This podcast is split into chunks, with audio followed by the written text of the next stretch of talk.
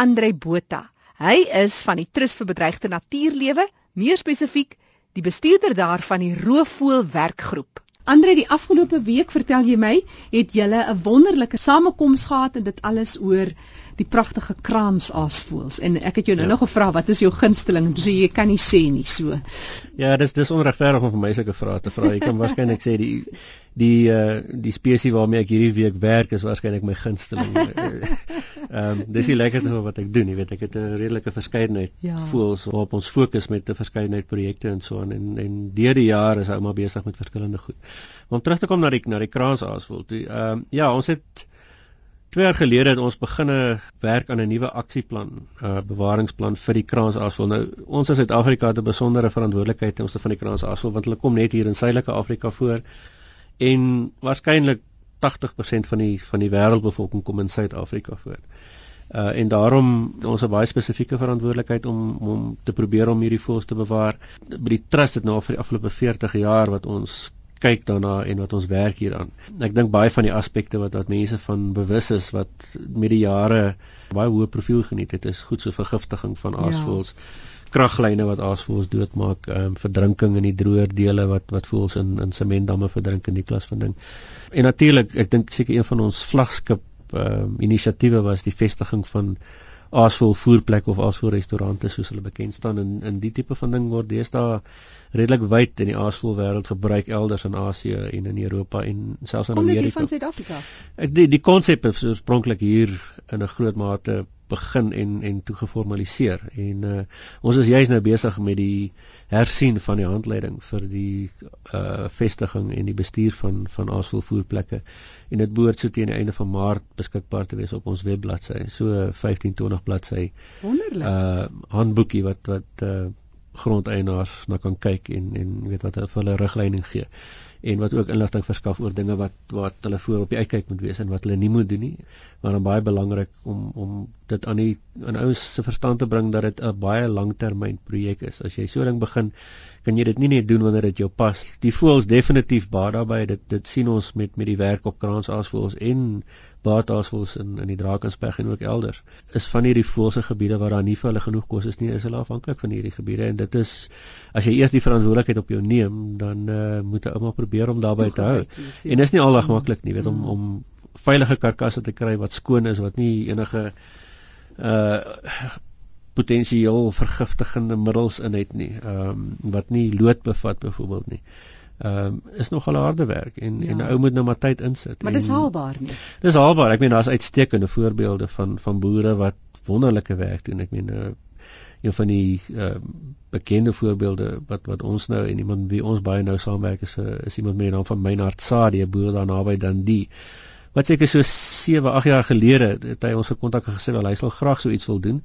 Maar hy sien nie eintlik aasvoëls in die gebied nie en dit is nie regtig 'n vreeslik bekende gebied waar aasvoëls gevoer is nie ehm um, en en waar hulle voorgekom het nie. En hy toe nou begin hy's 'n beesboer en hy het goeie kontakte by abattoirs in die omgewing en hy het begin om om om hierdie ding te vestig en op die oomblik as jy as jy by sy voerplek aankom, hy het 'n pragtige skuilings gebou. Ek meen dit is amper soos 'n 5-ster hotel. Jy sit wow. daar kyk deur hierdie inrigting ja. glas en Daar kan op 'n gegeewe dag kan daar maklik 3 400 aasvoëls inkom. So dan sit jy net daar nou die aktiwiteite van die aasvoëls. Ja, jy dit hou jou besig. Wow, jy kan vir dae daar sit en en en die goed dop. En dit is fascinerend as jy hulle in sulke getalle sien en en 'n goeie verskeidenheid. En en ek dink die belangrike ding in sy geval is dis jong voëls. Ja. Wat daar gaan vreet en en dis gewoonlik die kritieke deel van van hulle lewe is daai eerste paar jaar totdat hulle volwassenheid bereik en hy voorsien in 'n baie spesifieke behoefte in hierdie opsig. Maar Andre, eh, net gou-gou vir mense wat nou wil gaan kyk, jy het nou mm. gepraat van die Asvoer restaurant. Ek wil net vinnig julle webtuiste gee, dis www.ewt.org.za. Al sal dit later weer gee. Vertel ons bietjie meer oor Krans Asvoels. Man, ek ek dink van die van die goed wat ou met, met mense kan deel oor gelopende inligting is hulle is sosiale voels. Geweldig sosiaal. Hulle broei in kolonies saam. Van die groter kolonies hier in Suid-Afrika tel in sekere gevalle amper 700 broeipare wat uh, langs weet op hierdie loodregte kraanse broei. Goeie voorbeelde daarvan wat mense na kan gaan kyk is by die Marakele Nasionale Park ehm um, naby uh, Tabazimbi is een van die grootste kolonies en die kan jy sommer van 'n pad af maklik sien. Uh dan is daar Blouberg naby Vivu ehm um, wat 'n uh, provinsiale natuurreservaat is wat waarskynlik op hierdie stadium die tweede grootste kolonie is. Hulle is groter gevoels hulle van die swaarder is weeg tot amper by die 8 kg met 'n met 'n vlerkspan van oor die 2 byna 2.5 meter. Geweldige goeie sig.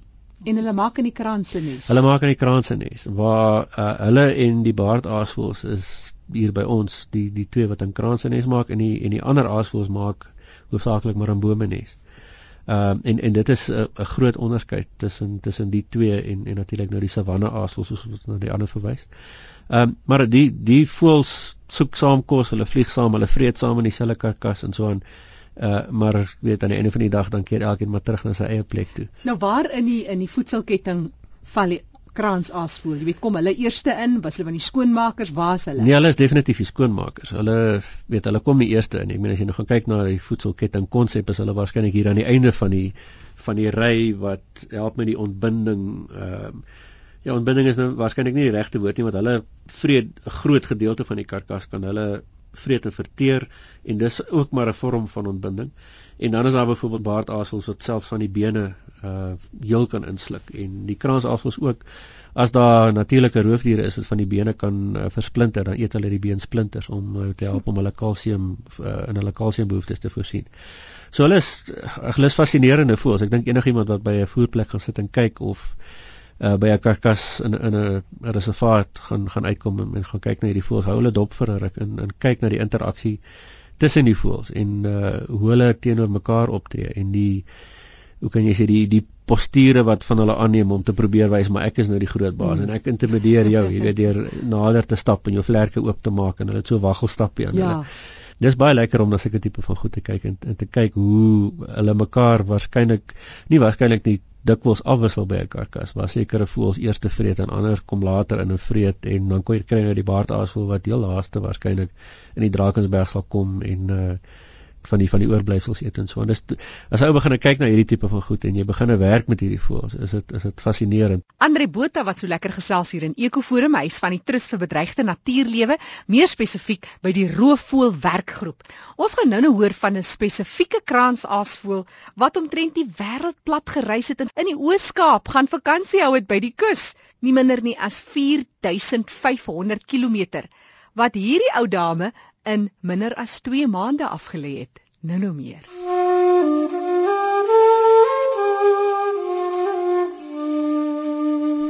Die kloppiesdoringboom kom hoofsaaklik in die noordooste van die land voor.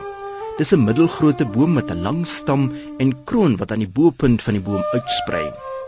Die dorings van die kloppiesboom kom op die stam en van die takke voor. Die blomme is ligroom tot liggeel. Die blare en peule word graag gebruik as veevoer, die hout vir die maak van meubels en die bas selfs vir leerlooiery.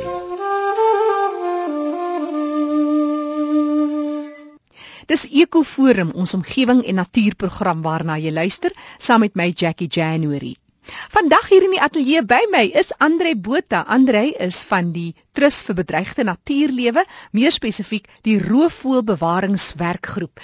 Andre, jy het die afgelope week vertel jy ons 'n wonderlike byeenkoms gehad waar jy spesifiek gekyk het na die kraansaasvoëls en jy het ons nou nou van die interessanthede vertel van die kraansaasvoëls, maar jy doen nie minder nie as 40 jaar al hierdie navorsing en baie kennis opgedoen so oor die jare van roofvoëls, in die geval spesifiek van die kraansaasvoëls. Ja, die kraansaasvoëls het vir ons baie interessante dinge geleer die afgelope ruk en ons het uh, van die voëls gevolg deur toestelle en goed op hulle ja. op hulle te plaas en te kyk waarheen hulle beweeg en daar was een kraasaasvoël wyfie wat hier van Minutsa af in die Laagveld gevlieg het. Nou as jy nou op pad is uh, Kreer Wildtuin toe daar in die rigting van Hoedspruit as jy deur die stryd om tonnel gegaan het, seker so 5 6 km aan as jy op op regterhand kyk dan is jy Minutsa uh kolonie daar teen teen die teen daai geweldige hoë kraanse sit hulle daar sy was in 'n vergiftigingsvoorval gewees. So sy hmm. is ingeneem by 'n rehabilitasiesentrum daar naby Campus Rus by Moholoholo. Voor sy vrygelaat is, het ons haar toe nou met 'n opsporingstoestel toegerus en so aan. Dit was in die middel van die broeiseisoen, so sy het die jaar nie gebroei nie en sy het begin rondvlieg en sy het in die eerste 6 maande terwyl die broeiseisoen aan die gang was, het sy die hele Kreer Wildtuin en area so ver suid as Carolina en selfs die noordelike dele van Swaziland het sy gedek. Interessant genoeg nie eintlik in in Mosambiek gaan 'n draai maak nie. Maar dan ook baie dikwels net so suid van Polokwane is daar 'n groot varkplaas. Baie dikwels daar gaan vreet.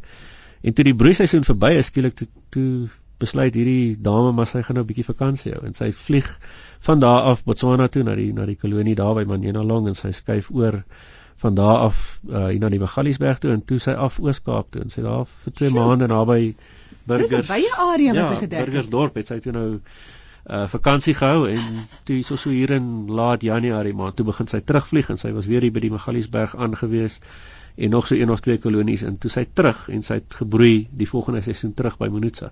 En ons kat waarskynlik in in die tydperk wat sy weg was, het sy waarskynlik omtrent so 4.5 na 5000 kg afgelê in omtrent 2 en 'n half 3 maande. So dit gee net vir 'n ou idee van hoe beweeglik hierdie voëls regtig is. Is hulle baie gebonde tot die oorspronklike trop? Jy het net te verwys hulle kom nogals in groot troppe voor. Ja, kyk, hulle is sosiaal as sulks en ehm um, daar word geglo in baie gevalle kom hulle terug na die kolonie waar hulle waar hulle mm, self uitgebroei het en waar hulle die nes verlaat het. Maar dit is nie harde en 'n vaste reël nie. Ons sien dit met die monitering van ons moniteer op hierdie stadium omtrent 80% van die van die kolonies, die groter kolonies moniteer ons.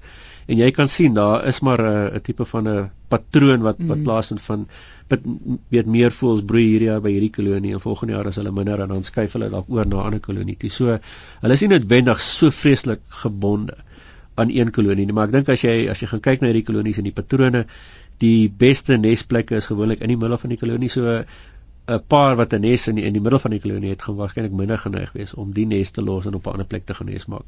Dis gewoonlik maar die ouens hier op die rande uh wat dalk meer geneig gaan wees om te sê maar weet kom ons gaan probeer by hierdie adres en dan skuif hulle oor in geboue nes op by 'n ander kolonie. Nou uit die aard van die saak is jy nou van die trus vir bedreigde natuurlewe. Wat is die getalle en hoe erg of krities of nie? Hoe lyk die getalle?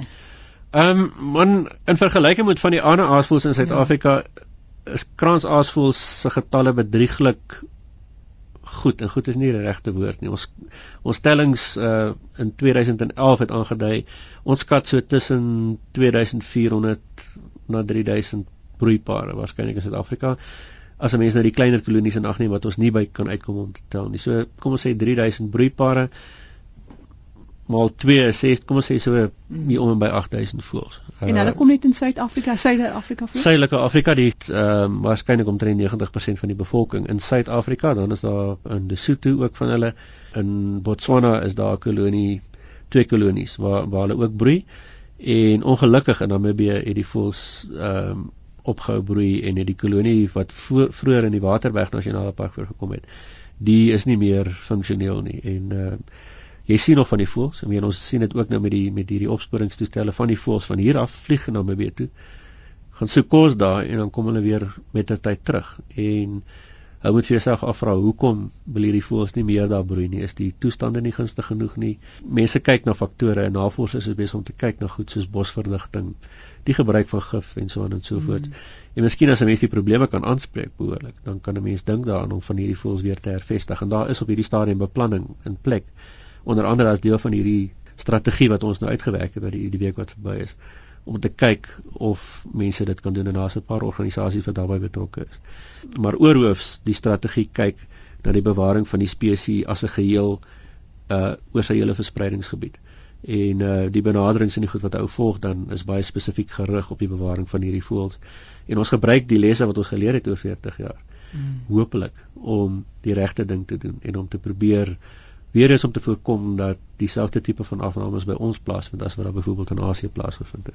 Dit moet seker wonderlik wees om te kan sien wat 40 jaar gelede as 'n 'n wow oomblik gewees het en vandag is dit amper so deel van wat jy al weet en en daar's soveel ander nuwe goed wat jy nou al bykry. Ja, ek dink die moderne tegnologie is 'n wonderlike ding. Jy weet dit stel jou in staat om sekere dinge te kan doen, maar jy kan nie vergeet wat mense soos professor Pieter Mundy en John Ledger en Steven Piper uh, en mense soos wel in, in later van tyd het het van ander jy weet van die ander mense bygekom en jy ken nou vir Gerard Verdoor en goed wat wat betrokke was vir lank daarbey en almal het het 'n bydrae gemaak. Ehm um, en ek dink die een ding wat soos op Paul bewater staan almal was geweldig toegewy ja. aan dit wat hulle gedoen het. En uh dis nogal snaaks, weet sommige mense dink dalk hierdie aasvoëls is nou nie weet van die aangenaamste goed om mee te werk nie want hulle ja, hulle is nou nie noodwendig gebore met 'n sin vir humor as jy hulle moet hanteer en sulke goed nie, maar ehm um, ek dink as jy as jy eers met hulle begin ja. werk het, ehm um, is dit moeilik om te laat gaan.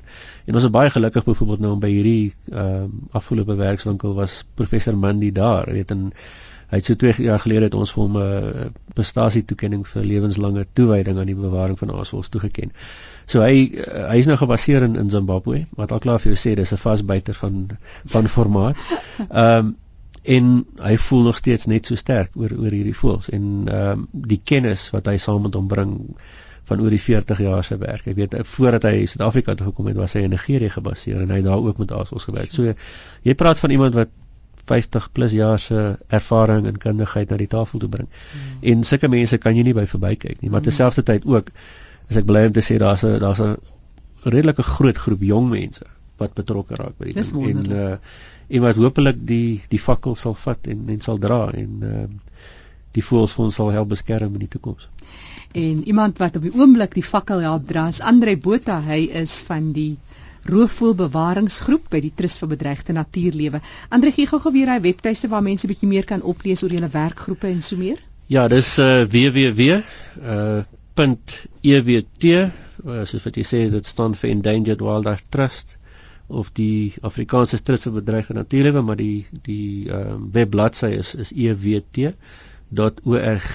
Die ORG staan in die aard van die saak vir 'n nie regeringsorganisasie .za en uh, mense kan dan al die kontakbesonderhede en besonderhede van die verskeidenheid projekte en so van die trust daar raakloop.